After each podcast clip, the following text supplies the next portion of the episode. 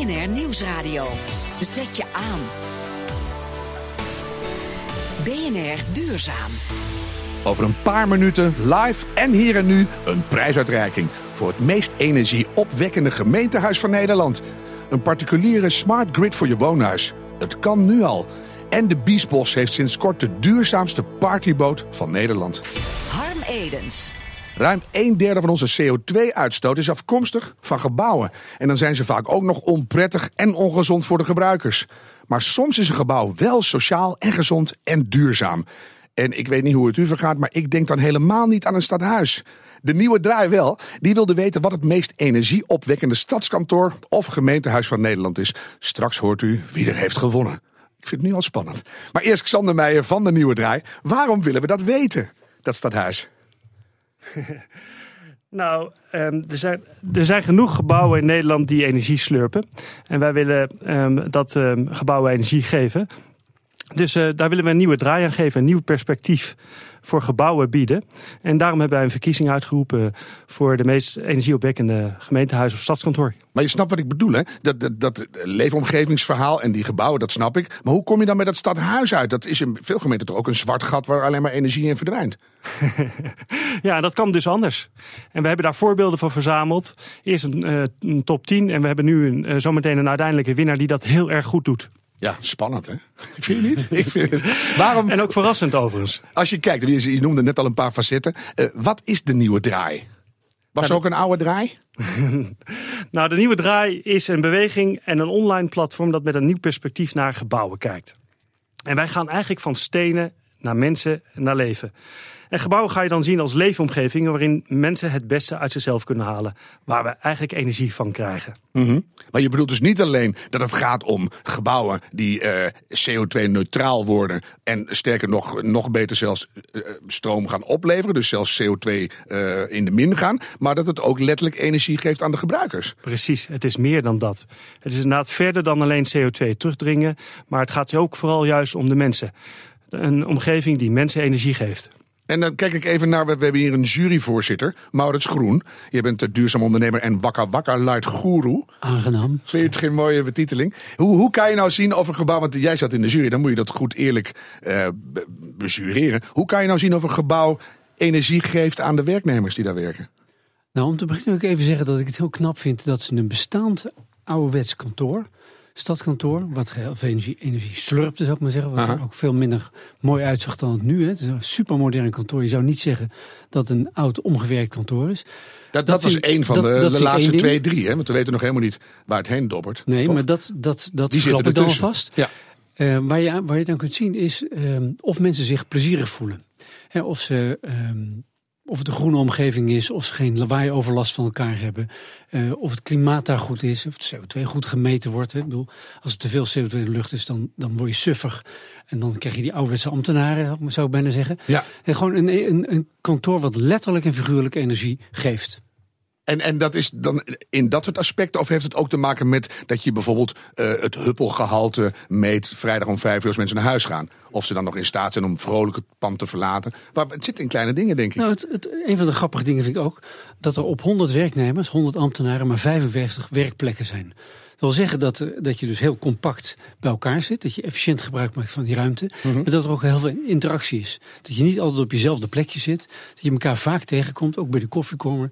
Dat je als je even ergens iets moet doen, dat je een stil hoekje uitzoekt. Maar dat je vervolgens ook weer andere collega's tegenkomt. Waardoor de interactie gewoon enorm toeneemt. Jij onthult gewoon beetje bij beetje wie de winnaar is. Zullen we er gewoon Knap, even he? een officieel moment van maken? Uh, er waren vijf finalisten. Utrecht, Groningen, Peel en Maas, Den Bosch en Medemblik. En, en dan laat ik een betekenisvolle, spannende stilte vallen. En dan zeg ik, Maurits Groen, juryvoorzitter. Wie heeft er gewonnen? Gewonnen heeft Peel en Maas. Ja, ja, ja, ja, Spontaan en toch niet ingeblikt applausje. Want oh, hoe is het mogelijk? Peel en Maas ligt trouwens in Limburg vlakbij Venlo. En ze zijn hier. Ze wisten niet zeker dat ze gingen winnen. En toch zijn ze er. Wethouder Paul Sanders en Jan Plompen, projectleider Huis van de Gemeente. Heren, gefeliciteerd. Dankjewel. Uh, ik ga eerst even naar de wethouder hoor. Uh, klopt het een beetje wat Maurits zegt? Ja, ik, ik moet zeggen, we hebben Ja, we hebben een gemeentehuis gebouwd, vooral, uh, het, we noemen het huis van de gemeente. We hebben het voor onze inwoners gebouwd. Niet om een prijs te winnen, maar echt voor onze inwoners. En we hebben ook samen met onze inwoners gebouwd. Mm -hmm. Dus we hebben eigenlijk onze inwoners vanaf het begin af aan betrokken bij, uh, bij de bouw van het gemeentehuis. De eerste steen is zelfs gelegd door een van onze inwoners. Uh, dat, normaal doet al de inwoner politiek hoogstaande figuur hebben we niet gedaan. We hebben onze inwoners ook de eerste steen laten leggen. Ja, Paul van Rij was natuurlijk even niet beschikbaar. Dus. Ja, nou ja, goed, inderdaad. Die was eventjes uh, verhinderd. Maar mm -hmm. uh, ja, goed, inderdaad. En, en ja, het, is inderdaad, we zijn een fusiegemeente met vier gemeentes. We moesten uh, twee keer zoveel personeel in, in een gebouw stoppen. Het moest ook nog groter worden en het moest ook nog duurzaam worden. En dat is, dat is best wel een grote uitdaging. Denk als je, als je ergens nieuw kunt bouwen, dan kun je het heel duurzaam bouwen. Maar als je het gaat verbouwen, dan is dat toch wel een extra grote uitdaging. Laat ik meteen even naar de bouwmeester kijken, want hij staat helemaal in de hoek. Maar een heel belangrijke functie lijkt me. Want het was een oud gebouw met een nieuw stuk eraan. En het moest helemaal CO2-neutraal en duurzaam en leuk. En dat lijkt mij een, een, een, een, een hoofdbreker. Dat was het ook. Maar uiteindelijk geeft je dat energie, want we hebben het samengebouwd. Het is ons huis. En we hebben het gebouwd vooral om die drukte. Veel mensen naar binnen en veel mensen bij elkaar. Vandaar die 55 op 100. Ja. Dus we zien elkaar heel de dag. We hebben geen tijd om in te dutten. We werken samen aan een nieuwe gemeente. En dat geeft energie. Eh, nou, ik heb natuurlijk even gekeken wat jullie allemaal eh, onder het nieuwe dak hadden. Dan, dan zie je de ijskelder die voor warmte zorgt. Dat moet je even uitleggen. Ja, wij uh, energie, energiehuishouding van ons, die, vooral de warmte en de koude, die halen we uit water. Water heeft heel veel energie in zich, rond het nulpunt. Iedereen kent de ijskast. En we hebben eigenlijk een omgekeerde ijskast in ons huis staan. En daar halen we op een slimme manier de energie uit. Kijk naar een ijsje, als dat smelt, komt er energie vrij. Ja. Maak je ijs, moet je energie instoppen. Dat vangen wij in een slim systeem. Daar koelen wij mee en daar verwarmen we mee. Mooi hè? Een oud principe eigenlijk. En dan ja. bij de nieuwe draai wordt nu keihard geknikt aan de andere kant. ik wil even naar de, de andere finalist, dat was Groningen. Die hadden ook sterke punten. Kunnen jullie die even, even noemen, Edgar Arnolds? Ja, nee, het is uh, zeker de moeite waard om Groningen ook even te benoemen. Uh, als je kijkt naar dat gebouw, een heel ander gebouw, hè, dus volledig nieuwbouw. Uh, net ook een andere schaal. Uh, maar als je daar kijkt, hebben ze echt een heel prettig werkklimaat weten te realiseren. Een heel slim systeem, ook een heel slim gebouw hebben ze daarvan gemaakt. Waardoor het gebouw ook blijft leren. En dat is net iets wat we bij de nieuwe draai ook voorstaan. Dat we eigenlijk willen dat die gebouwen zich blijven aanpassen aan de mensen die erin zitten. De mensen moeten zich niet aanpassen aan gebouwen, maar andersom. En juist om gebouwen slimmer te maken, krijg je dat goed voor elkaar. En kan je een paar voorbeelden noemen wat Groningen heeft, waardoor dat gebouw makkelijk aanpasbaar is? Nou ja, er zit gewoon heel veel sensoren bijvoorbeeld in het gebouw. Er zit heel veel elektronica in het gebouw die voortdurend meet wat temperaturen zijn, wat de kwaliteit van de lucht is. En aan de hand daarvan wordt bijgesteld, mm ofwel incidenteel, ofwel structureel, op het moment dat inderdaad langdurig klachten gaan ontstaan. Ja, want ik, ik werk veel in, in grote gebouwen, hier bij BNR ook. Hier is het af en toe ook een ruime top waar je in zit. Ja. En ik ben, mag er dan kort in en uit, maar ik zie heel veel mensen die de hele dag zitten te sudderen overal. Ja. Omroepen en bij archieven en bibliotheken. Het is, het is een groot probleem. Ja, helaas hebben we nog heel veel te leren op het gebied van gebouwen. De gebouwen die we maakten die zijn vooral eigenlijk vanuit technische oorsprong gemaakt en in elkaar gezet en ontworpen. En wat we nu pas leren eigenlijk is dat het natuurlijk draait om de mensen die in die gebouwen zitten. Om te zorgen dat die mensen beter presteren, dat die een waarde toevoegen aan de organisatie. En dat kan eigenlijk alleen maar als je, je omgeving gewoon ook waardevoller is. Ja, het is eigenlijk volkomen glashelder. Ik kijk ja. toch nog even naar Maas en Peel. Jullie hebben aan alles gedacht. Zonnepanelen, veel hergebruikt hout, veel planten. Maar ook veel samenwerking met lokale ondernemers. Waardoor je ook, we worden nu op de foto gezet terwijl we in een interview zitten. Lokale ondernemers, korte lijnen, dat hoort er allemaal bij hè, om tot een ja. echt duurzaam stadhuis te komen. Nou, bijvoorbeeld die ijsverwarming is een heel mooi voorbeeld ervan. Uh, we zochten we op zoek naar, naar een, een, duurzame verwarming. En iemand, een van onze ondernemers, die had dat op televisie gezien, uh, op de Duitser ergens. En die zei van, lijkt me een goed idee. En we hebben gezegd van, nou weet je wat, ga mensen erbij zoeken, ga gelijke stemden zoeken. En ga een plan maken. En als je een plan hebt, kom je maar terug. En dat heeft hij gedaan. En uh, heeft heel veel mensen bij elkaar gezocht. Ook een paar ondernemers bij ons uit de gemeente bij elkaar gezocht. Mm -hmm. En hij zegt van, ik heb een plan klaar. Uh, wat gaan we doen? En we zeggen van, nou, dat gaan we doen. En dus eigenlijk komt het erop neer dat jullie meest innovatieve idee is gepikt van de Duitsers. Nou ja, goed, we liggen natuurlijk heel dicht bij de Duitse grens. En uh, nu, moet, moet ik eerlijk zeggen, als ik Duitse collega's spreek, dan weten ze niet wat, uh, wat, wat ijsverwarming is. Want zo onbekend is ook nog een keer in Duitsland. Uh, maar goed, het is een heel mooi systeem. Ook onze hele inrichting, eigenlijk alles wat je ziet, hebben we gedaan met lokale ondernemers. En dat is wel heel erg mooi. Ik kijk even naar de nieuwe draai. Uh, is dit een beetje klaar nu? We hebben duurzame stadhuizen. Iedereen kan er een voorbeeld aan nemen. Of krijgen we nu bijvoorbeeld ook het duurzaamste zorgverzekeringskantoor, het duurzaamste voetbalstadion, het meest energieopwekkende bordeel? Ik kan wel even doorgaan. De spijker op zijn kop. Uh, niet alle voorbeelden zullen we misschien gaan volgen. Maar het is in ieder geval zo dat wij uh, inderdaad even gaan om te kijken hoe we Nederland het totaal kunnen verbeteren. En wat gewoon heel erg helpt, dus als je inspirerende voorbeelden hebt. He, zoals Pele Maas, die nu echt weer een, een, standaard gezet heeft. Dat daagt natuurlijk anderen uit om daar aan tegemoet te komen en die lat misschien wel weer een stuk hoger te leggen. Ja, He, zodat we met elkaar gewoon betere gebouwen maken. Maurits, jij, jij bent juryvoorzitter. Jij kan ook het hele groene veranderingsklimaat in Nederland overzien. Hoe belangrijk is het dat iets kleins, want dat is het eigenlijk stiekem Maas en Peel, niemand hoort ervan in deze contraien, zo'n belangrijke stap zet? Nou, ik vind het symbolisch. Er zijn kennelijk zoveel mensen al op zo'n goede manier bezig. dat er een beweging van onderop uh, gaande is. waarbij uh, duurzaam niet alleen energiezuinig is, uh, duurzame energie, et cetera. maar dat ook het sociale klimaat, dat iedereen erbij betrokken wordt. Lokale ondernemers hebben een kwart van de investering gedaan.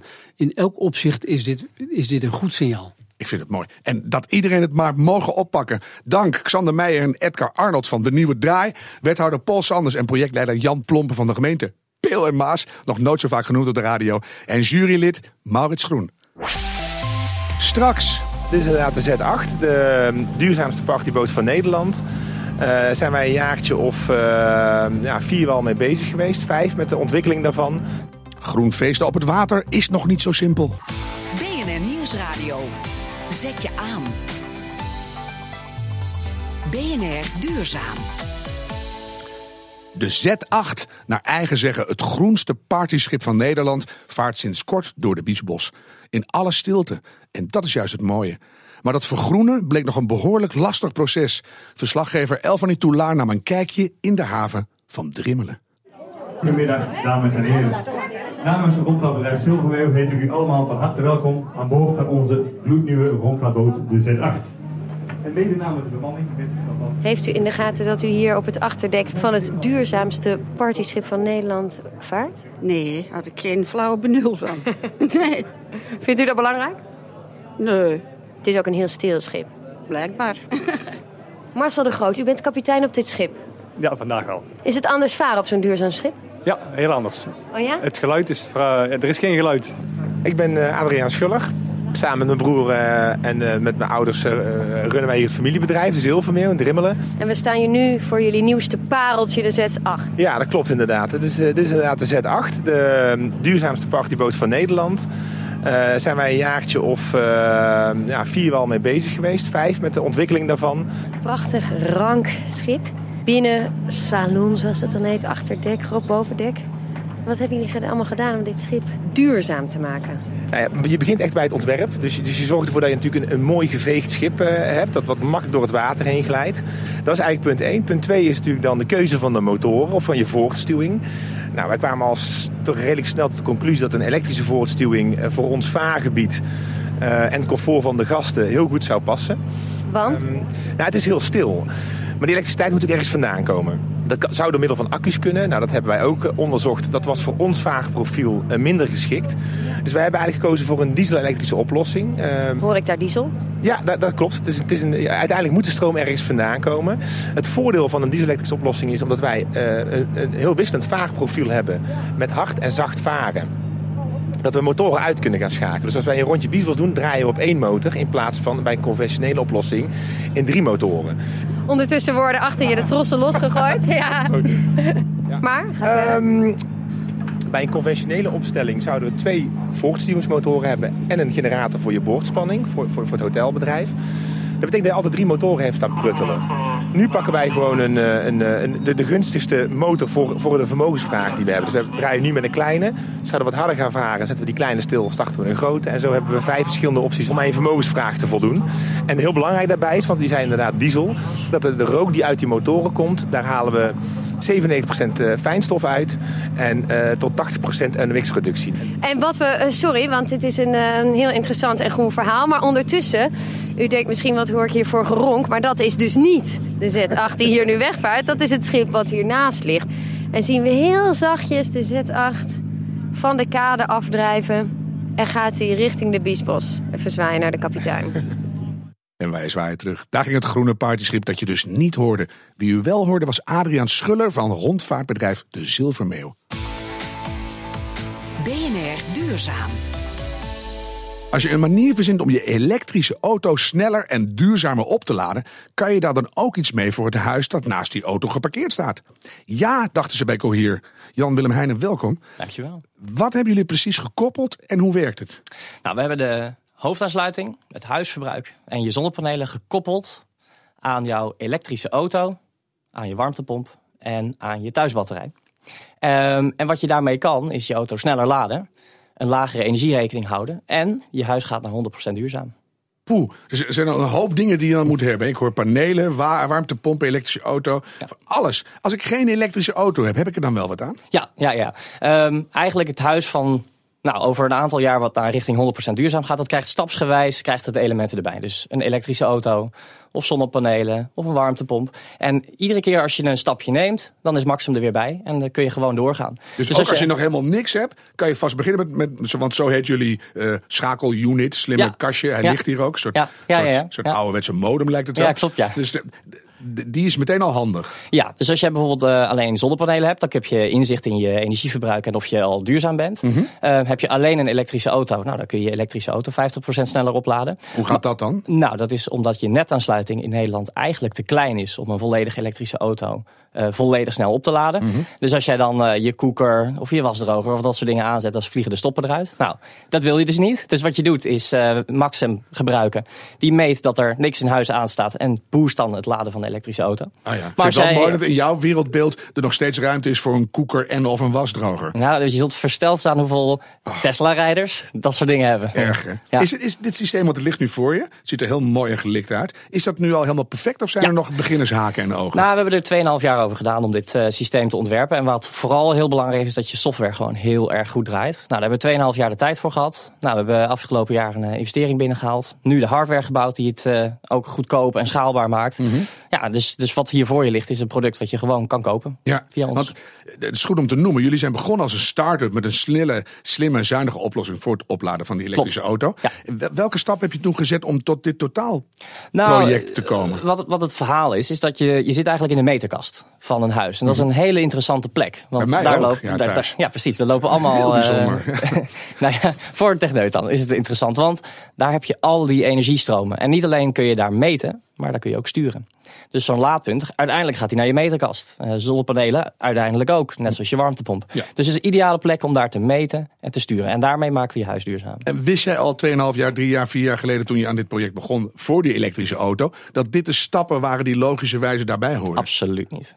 Niet? Dit- nee, natuurlijk niet. Nee, nee een, een, een start-up eh, zoekt zijn weg. En, en dat is precies wat er gebeurt. Je probeert wat werkt, je probeert wat niet werkt. En uiteindelijk kom je op iets uit wat goed werkt. Nou, dat is Maxim vandaag de dag. Jullie hebben je verder ontwikkeld met behulp van het Accelerator, accelerator, hoe moeten we het zeggen, programma van Climate Kick. Ja. Eh, Hans Westerhof van Climate Kick luistert stiekem al een tijdje mee. Die hangt Ja. als het goed is. Hans, eh, jij hoort aan alle kanten nu incubators, groeilabs, Nelly Kroes. Iedereen weet dat het goed voor je is. Wat doet jullie Accelerator programma precies? Eh, ons Accelerator-programma helpt start-ups gedurende een periode van 18 maanden met eh, geld, intensieve coaching en eh, netwerk wat wij hebben van onze partners over Europa. Mhm. En hoe succesvol is dat precies? Want je hoort vaak één op, op de twee of twee van de tien. Als, als die het redden en echt opschalen, dan heb je al een goede score. Hoe zit dat bij jullie? Dat klopt. bij start-ups zijn er een paar die vaak het indrukwekkende succes bepalen. Wij hebben inmiddels meer dan 100 start-ups eh, in ons programma gehad.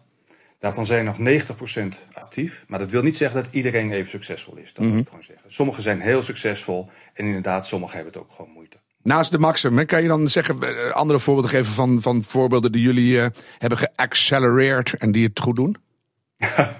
Eh jazeker. Een van de, de eerste start-ups in ons programma, dat was Solis. Eh, eigenlijk een eh, eenvoudig idee. Eh, zonnepanelen zijn duur, dus je moet de aanschafkosten dan in één keer op tafel leggen. En wat nou als je ze leest? Dat Ja. heeft Solis in, de, in, de, in de markt gezet. En die hebben inmiddels al heel veel klanten en ook al 5 miljoen aan investeringen opgehaald. Stel, ik zit thuis te luisteren hè, met een hulpbehoevende start-up. Mag ik nog meedoen bij jullie? Jazeker. Eh we hebben regelmatig inschrijvingen. Je begint bij ons aan het begin van het programma, wat we gewoon fase 1 noemen. En er staat nu een aanvraag open tot 1 juli. Dus als je nog mee wilt doen, dan kun je je gewoon nog steeds opgeven. Ik kijk even in mijn bovenste bureaulaadje. Jan-Willem Heijnen, ehm, was het echt zo fijn als, als hier gezegd wordt? Het eh, intensieve Ja, coaching, dat, dat- heeft jullie er doorheen gesleept? Ik zou eigenlijk iedere start-up in Nederland aanraden om eh, met Climate Kick te gaan praten. Ehm, want ze hebben ons eh, funding gegeven. Dat was heel fijn aan het begin. Ehm, maar even verderop kwamen we in een investeerderstraject terecht. Nou ja, goed. Ik ben er niet voor opgeleid om met investeerders om te gaan. Dus ja, zij hebben ons daar echt heel professioneel mee begeleid. Je kijkt er Ehm, ook bij dat het ja, echt was heel is. gelukkig Het is mee. radio, maar Ja. je, je kijkt zeer geloofwaardig. Wat is de volgende stap vanaf nu? Hoe krijg jij iedereen zo gek om zo'n smart grid in zijn huis te installeren? Nou ja, goed, de, het product spreekt voor zich. Ik bedoel, je kunt sneller laden, hebt een lagere energierekening en, en je huis wordt 100% duurzaam. En het pad voorwaarts eh, is eh, via energieleveranciers. Eh, daar zijn we nu met, met meerdere in gesprek om, om het product ook op te nemen in hun portfolio. Want eigenlijk is dit het businessmodel van de energieleverancier in 2020. is ook leuk om gewoon met zo'n ding te beginnen. Hè? En dan ga je eens kijken, ik heb dat ding vast. Wat zal ik er zo allemaal aan mijn huis gaan versleutelen? precies. Ik vind het heel, Ja, eh, heel ja, ja, bijzonder. ja. Dank Ja. jullie wel, heel veel succes. Jan-Willem Heijnen van Cohier en Hans Westerhof van Climate Kick. De minuut van de waarheid. Elk jaar slijt er 10.000 ton rubber af van autobanden. Dat is een kilo per Nederlander. Die bewering werd vorige week en passant gedaan in het tv-programma Keuringsdienst van Waarde. Redacteur André van Arnhem zocht uit of dat klopt. Zo klonk het in de Keuringsdienst van Waarde. Wij ademen dus de resten van onze autobanden ademen wij in. Ja. Of hoeveel plastic of rommel of, of, of rubber gaat het dan? Dat er, dat er per jaar zo. eh, Eh, ongeveer 10.000 ton. Wat er, wat er in het milieu komt. Dat wat er van banden afslijt, laten we het zo stellen. 10.000 ton. Dus, dus, dus hoeveel kilo per inwoner is dat per jaar? 1 kilo per inwoner. Factchecker deze week is Norbert Lichterink van de afdeling Sustainable Transport and Logistics van TNO. Er worden twee getallen genoemd. Eh, we wonen met z'n 17 miljoen in Nederland. Dus op basis daarvan zou 1 kilo per persoon 17.000 ton per jaar zijn. En eh, dat is ongeveer wel het getal waar, eh, die wij ook uit onze sommen krijgen. De getallen kloppen dus wel, maar is dat dan veel? Eh, het is inderdaad zo dat eh, sinds ongeveer 2007 de slijtage eh, fijnstof groter aandeel heeft dan uit de uitlaat. En dan is daarin banden is nummer drie. Hè, dus eh, remmen is voor een gedeelte. eh wegdekslijtage voor een gedeelte en, eh, en- en banden zijn een derde component. En eh, van die drie is, van de slijtagestoffen is de banden het kleinste deel, maar eh, toch nog eh, ja, significant. Zeker eh, als je dat vergelijkt met wat uit de uitlaat komt. En dat is gek, want voor de uitlaatgassen hebben we volop aandacht. Voor de bandenslijtage nauwelijks. In het verleden was het, eh nou, sprak men niet over, omdat de, de fijnstof uit de uitlaat veel meer was. En nu dat allemaal teruggedrongen is, komen de kleine bronnen, hè, de slijtage-emissie, tevoorschijn. En dan valt het bij ons relatief nog mee. Nou, bijvoorbeeld landen als Zweden, die, eh, die hebben daar echt een probleem mee. Want die hebben bijvoorbeeld eh studded tires, dus dat er metalen puntjes in de, in de winterbanden zitten. Nou, en die hebben echt eh, overschrijdingen van luchtkwaliteitsnormen door eh, de wegdekslijtage. De slijtage van onze autobanden is dus schadelijk en per jaar komt er meer dan 10.000 ton van in ons milieu. De stelling beoordelen we dus als Helemaal waar. Straks staat hier Petra Grijze met BNR Spitsuur. Ik zeg, hou hoop en doe het duurzaam. Tot volgende week.